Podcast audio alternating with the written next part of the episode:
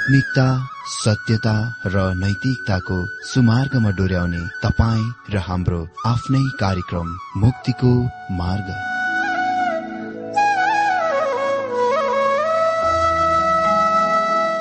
आदरणीय श्रोता यस मुक्तिको मार्ग कार्यक्रममा हार्दिक स्वागत छ।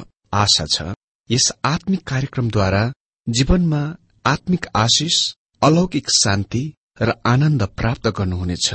र जीवनमा धन्य अनुभव गर्नुहुनेछ। आउनुहोस् श्रोता। मन र आत्माको तयारीको लागि यो मिठो अनि मधुर भजन गीत सुनौ।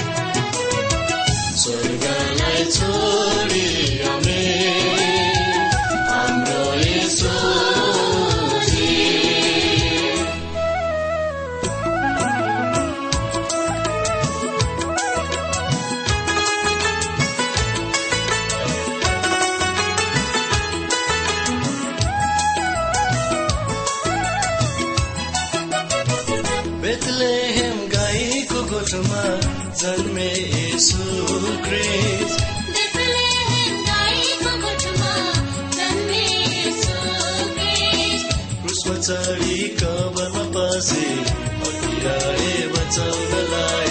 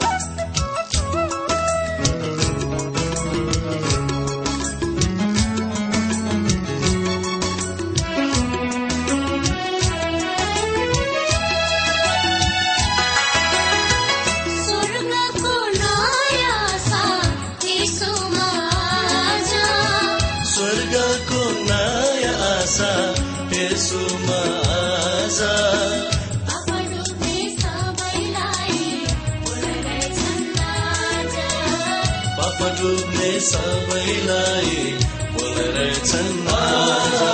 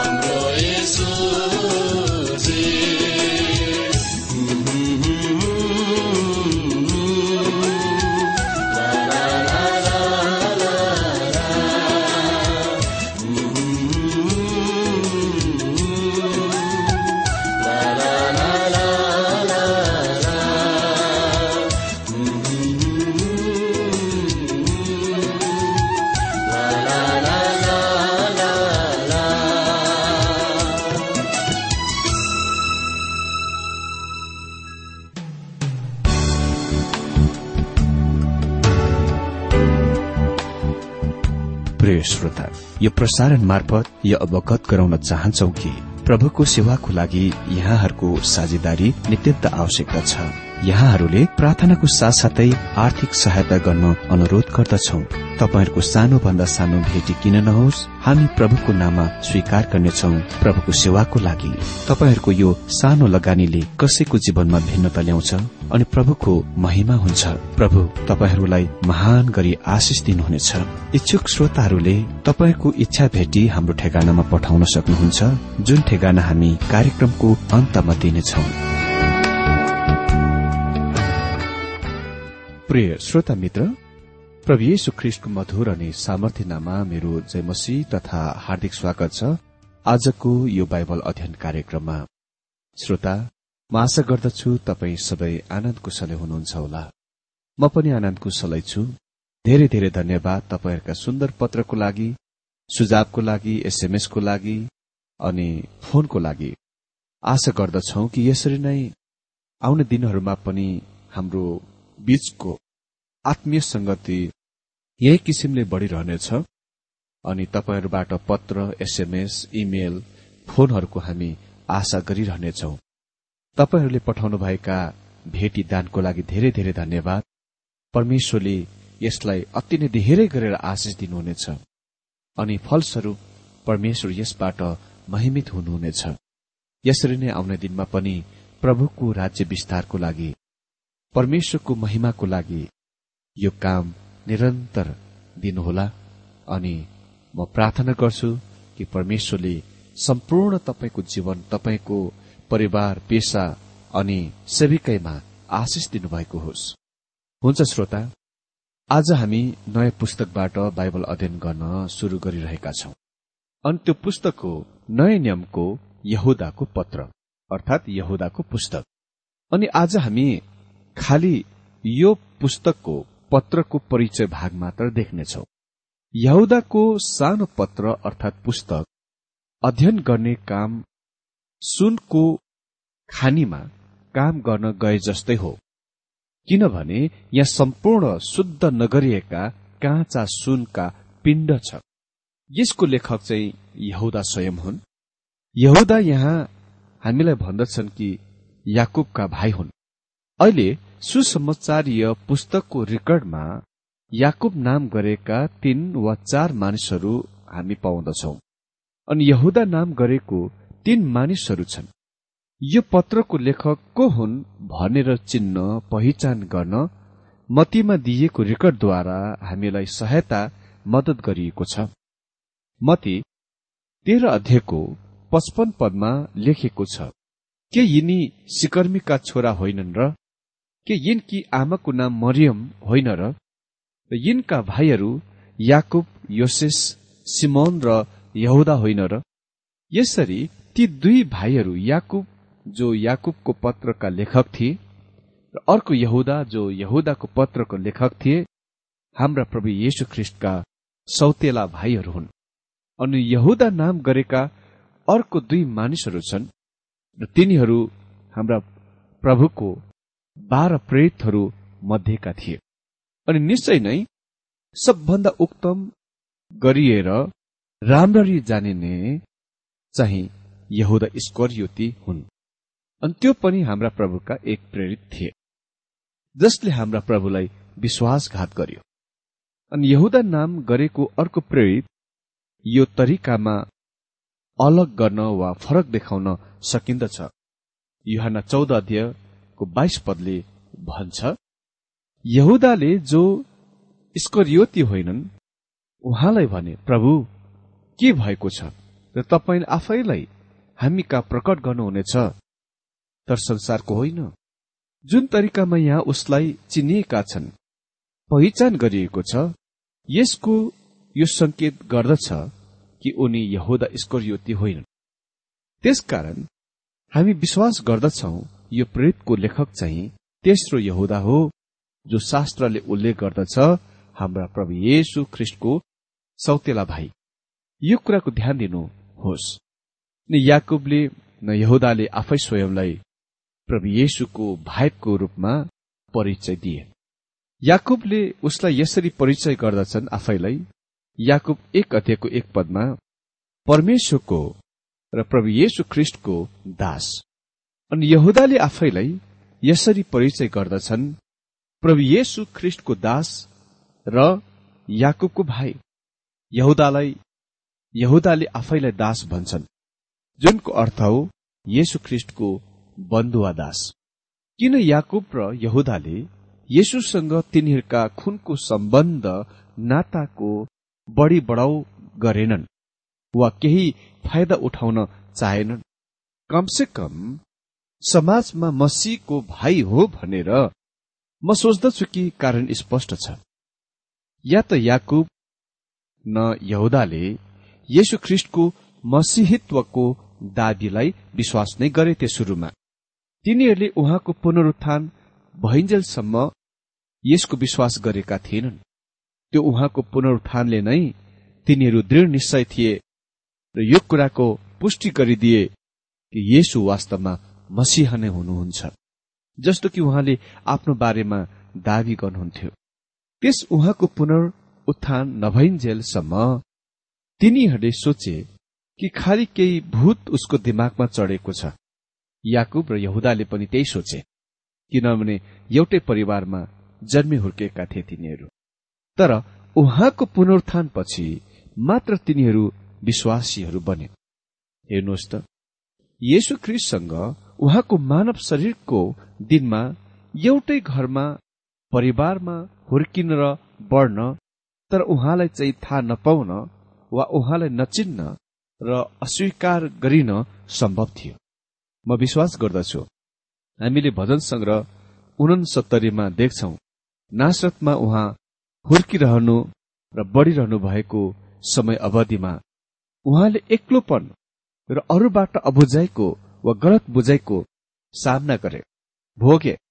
त्यसकारण उसका भाइहरूले सोचे विचार गरे यद्यपि तिनीहरू उहाँसँग हुर्के बढेका भए तापनि तिनीहरूले वास्तवमा उहाँलाई त्यस समयमा चिनेका थिएनन् थाहा पाएका थिएनन् पावले पछाडिबाट यसरी व्यक्त गरे दोस्रो कुरन्ती पाँच अध्ययको सोह्र यसकारण अब उसो हामी कसैलाई पनि शरीर अनुसार चिन्ने गर्दैनौ।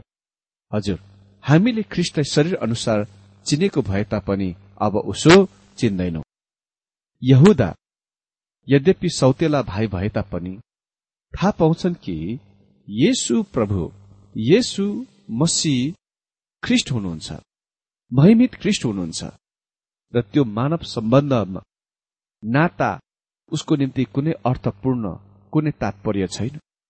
उनी ख्रिस्ट कहाँ एक पापीको रूपमा आउनु पर्दथ्यो। उहाँलाई अरूहरूले जस्तै आफ्नो उद्धारकर्ताको रूपमा ग्रहण गर्दै। येशु ख्रिस्टसँग खुनको नाता सम्बन्ध हुने कुरामा उसलाई कुनै प्रकारको फाइदा वा लाभ थिएन। उही समयमा यो दुवै याकुब र यहुदाको त्यो मनोवृत्तिको सुन्दर उत्तर हो जुन प्रेतहरूको समय युग पछिबाट खडा भएथ्यो। त्यहाँ महिमित त्यस्तो समय थियो।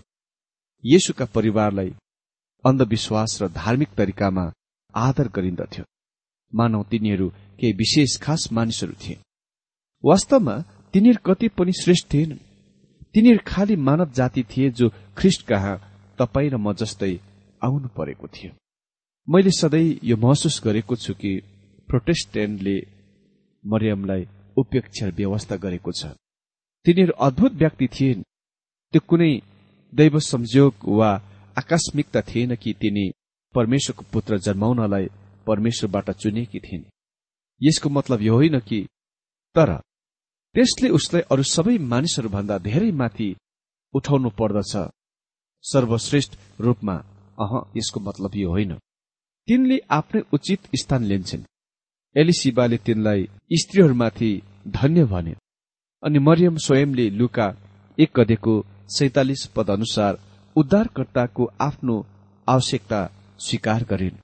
त्यसकारण त्यो छोटो समय जुनमा मण्डली भएर गएथ्यो जब प्रभु येशुले परिवारलाई अति नै उच्च सर्वोच्च स्थानमा राखिने कुराको निश्चय नै याकुब र यहुदाद्वारा विरोध र खण्डन गरिएको छ। हजुर तिनीहरू आफै स्वयंले खालि येशु ख्रिष्टको वा बन्धुवा दास हुने कुराको स्थान वा ओहदा लिए। यो पुस्तक करिब ईस्वी सम्बत छैसठीदेखि लिएर उन सत्तरीमा लेखिएको थियो। यो पुस्तकको मुख्य विषय हो सत्य विश्वास त्यागको दिनमा निश्चयता। यहुदाले सुसमाचार र हाम्रो उद्धार र मुक्तिको सम्बन्धमा केही विषयको बारेमा लेख्न प्रेरणाको कलम उठायो। उसले विश्वासद्वारा धार्मिक ठराईको विषयलाई चुन्न सक्थे तर पाओले त्यस विषयको रोमीको पुस्तकमा लेखे। उसले ख्रिस्टको पुनरुत्थानको विषय चुन्न सक्थे तर पाओले त्यस विषयको पनि पहिलो कोरन्थीमा लेखे। यो यहुदाले मेलमिलापको सिद्धान्तको चुन्न सक्थे तर पाओले त्यसको दोस्रो कोरन्थीमा लेखे। सायद यहुदाले विश्वासका महान विषयमा लेख्न सक्थे तर पाओले त्यस विषयको गलातीमा लेखे या उसले मण्डलीलाई ख्रिस्टको वचन वा शरीरको बधन वा शरीरको रूपमा चुन्न सक्थे। तर पाओले त्यस विषयमा एफिसीको पुस्तकमा लेखे। या उसले ख्रिस्टको व्यक्तिको चुन्न सक्थे तर पाओले त्यसको कलसीमा लेखे। यहुदाले हाम्रा महान प्रधान पुजारीको बारेमा लेख्न सक्थे तर हेब्रूको लेखकले पहिले नै त्यस विषयमा लेखे। यो उसले संगतिको विषयलाई चुन्न सक्थे तर युहानले त्यस विषयमा पछिबाट लेख्न गइरहेका थिए। यसरी परमेश्वरको आत्माले उसले कुनै एक महान सिद्धान्त वा डक्ट्रिनको नभएर अर्को कुनै एक विषयको विकास गर्न लगाउनुभयो। परमेश्वरको आत्माले आफ्नो विषयको उसले लेख्न सक्नुभन्दा अघि नै पहिले नै उसको उद्देश्यको पकड्नुभयो गिरफ्तार गर्नुभयो र उसलाई अर्कोतिर निर्देशित गर्नुभयो। यहुदाको विषय चाहिँ आइरहेको सत्य विश्वास त्याग हो।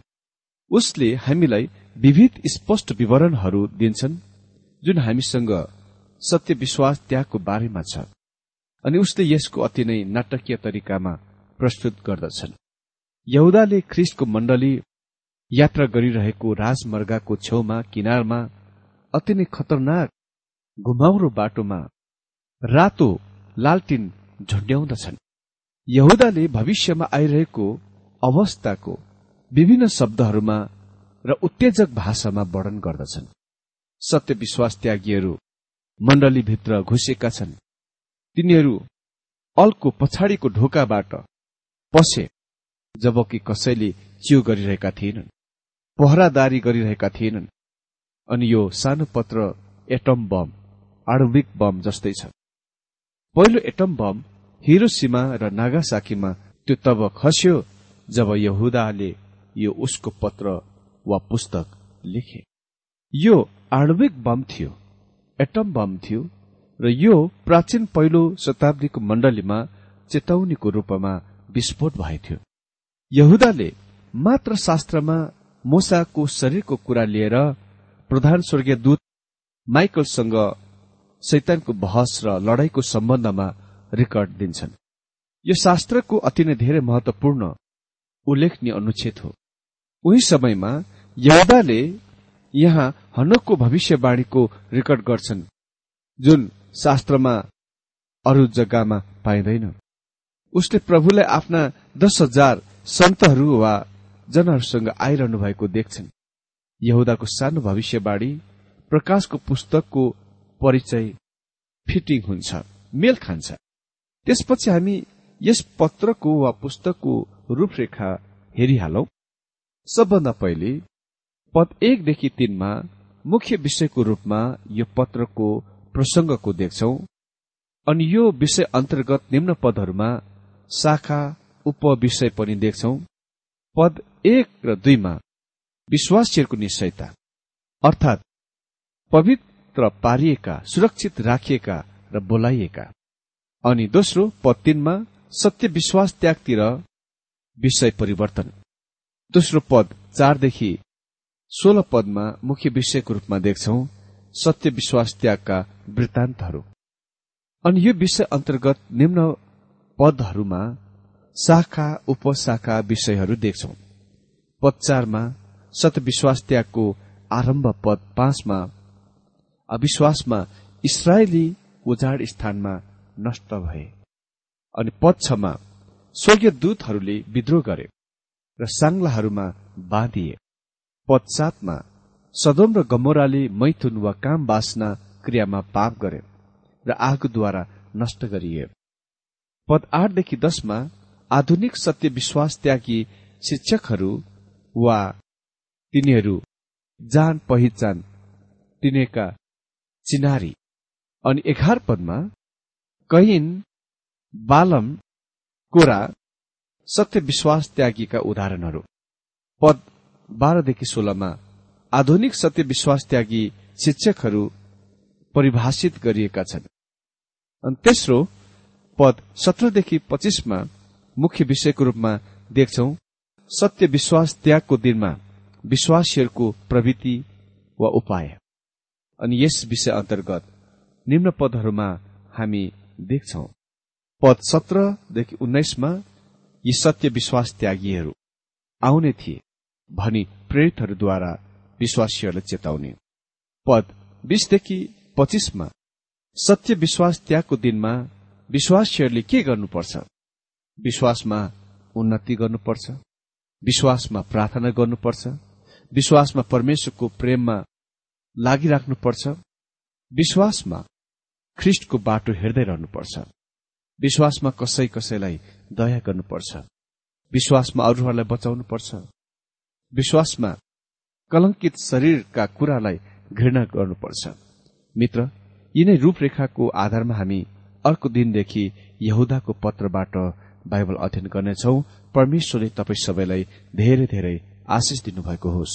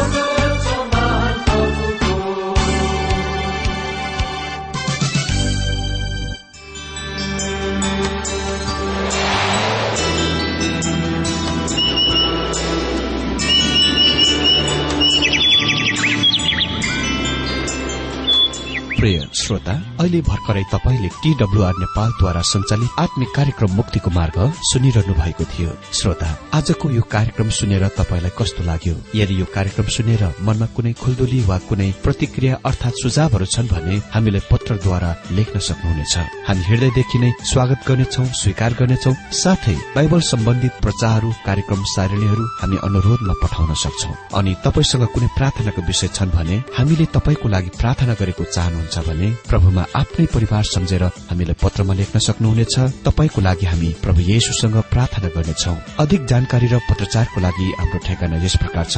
कार्यक्रम मुक्तिको मार्ग जीपीओ नम्बर उनानब्बे पचहत्तर इपिसी पच्चिस एकसठी काठमाडौँ। ठेगाना एकपल्ट सुन्नुहोला। कार्यक्रम मुक्तिको मार्ग जीपीओ नम्बर उनानब्बे पचहत्तर इपिसी पच्चिस एकसठी काठमाडौँ। हाम्रो इमेल एड्रेस हो TWR Nepal at Yahoo dot com साथै यस नम्बरमा एसएमएस गर्न सक्नुहुनेछ। अन्ठानब्बे चार सत्तरी पैतिस छ सय उनासी नौ आठ चार सात जिरो तीन पाँच छ सात नौ। हुन्छ श्रोता आजलाई हामी विदा चाहन्छौ। अर्को कार्यक्रममा हामी पुनः भेट्नेछौ। तबसम्मलाई नमस्कार।